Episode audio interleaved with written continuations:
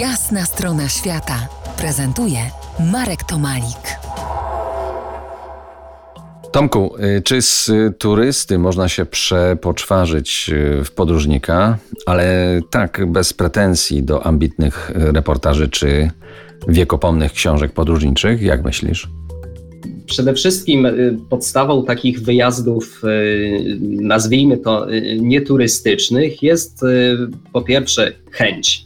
Chęć Y, wyjścia poza y, ten, y, tę sferę taką oczywisto usługową. To jest, wiesz, gotowość przede wszystkim do tego, że to ty zaczniesz dostosowywać się do realiów, które są, które są wokoło, e, więc e, do, do, jeżeli będziesz musiał gdzieś mieszkać w warunkach, które urągają temu, do czego jesteś przyzwyczajony na co dzień, to to, to, to akceptujesz z przyjemnością. A gdyby tak, powiedzmy tak, jesteś w miejscu, które hmm, jest niezbyt ładne, jest wręcz brzydkie, miejsce, w które zesłał nas los i zobaczyć to miejsce Spróbuj okiem y, podróżnika znaleźć w nim y, rzeczy ciekawe, tak jak wspomniałeś, nawet cenne, nieznane, zachwycić się w tej inności. Masz tutaj swoje doświadczenia, na przykład dzielnica Marcos Village. Village tak. tak. Tak, to są Filipiny. To była, ja bym to nazwał raczej, przymierzając do, do standardów filipińskich, po prostu taką y, obskurną, y, biedną dzielniczką, gdzie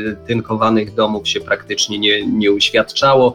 Czym się tam ogrzałeś w tym nieładnym miejscu obiektywnie? To miejsce, które na pierwszy rzut oka jest kompletnie nudne i w którym nic tam nie ma, w cudzysłowie, często taka opinia gdzieś pada po wyjazdach, nic tam nie ma, ale z takiego reporterskiego punktu widzenia to była kopalnia tematów, bo po pierwsze, to byli ludzie, którzy okazało się, że to Aitowie właśnie na przykład szkolili w dużej mierze w lesie amerykańskich wojskowych, którzy tam stacjonowali, ponieważ ta dzielnica znajdowała się blisko e, ogromnej bazy lotniczej w Clark amerykańskiej.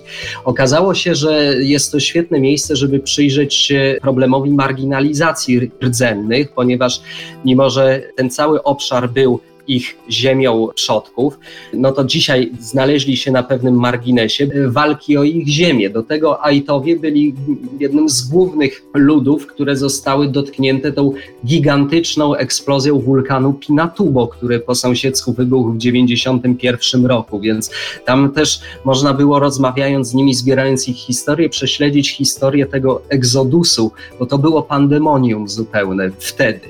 I tak dalej, i tak dalej. Wiesz, mimo, mimo że właśnie na pierwszy rzut oka to były po prostu kilka rozwidlających się piaszczysto-błotniczych uliczek i obskurnych domów i, i, niczego więcej. Moim gościem y, Tomek Tomasz Owsiany, z powołania reportażysta, autor wielu długich, mocno zaplanowanych podróży, jak i tych mniej planowanych.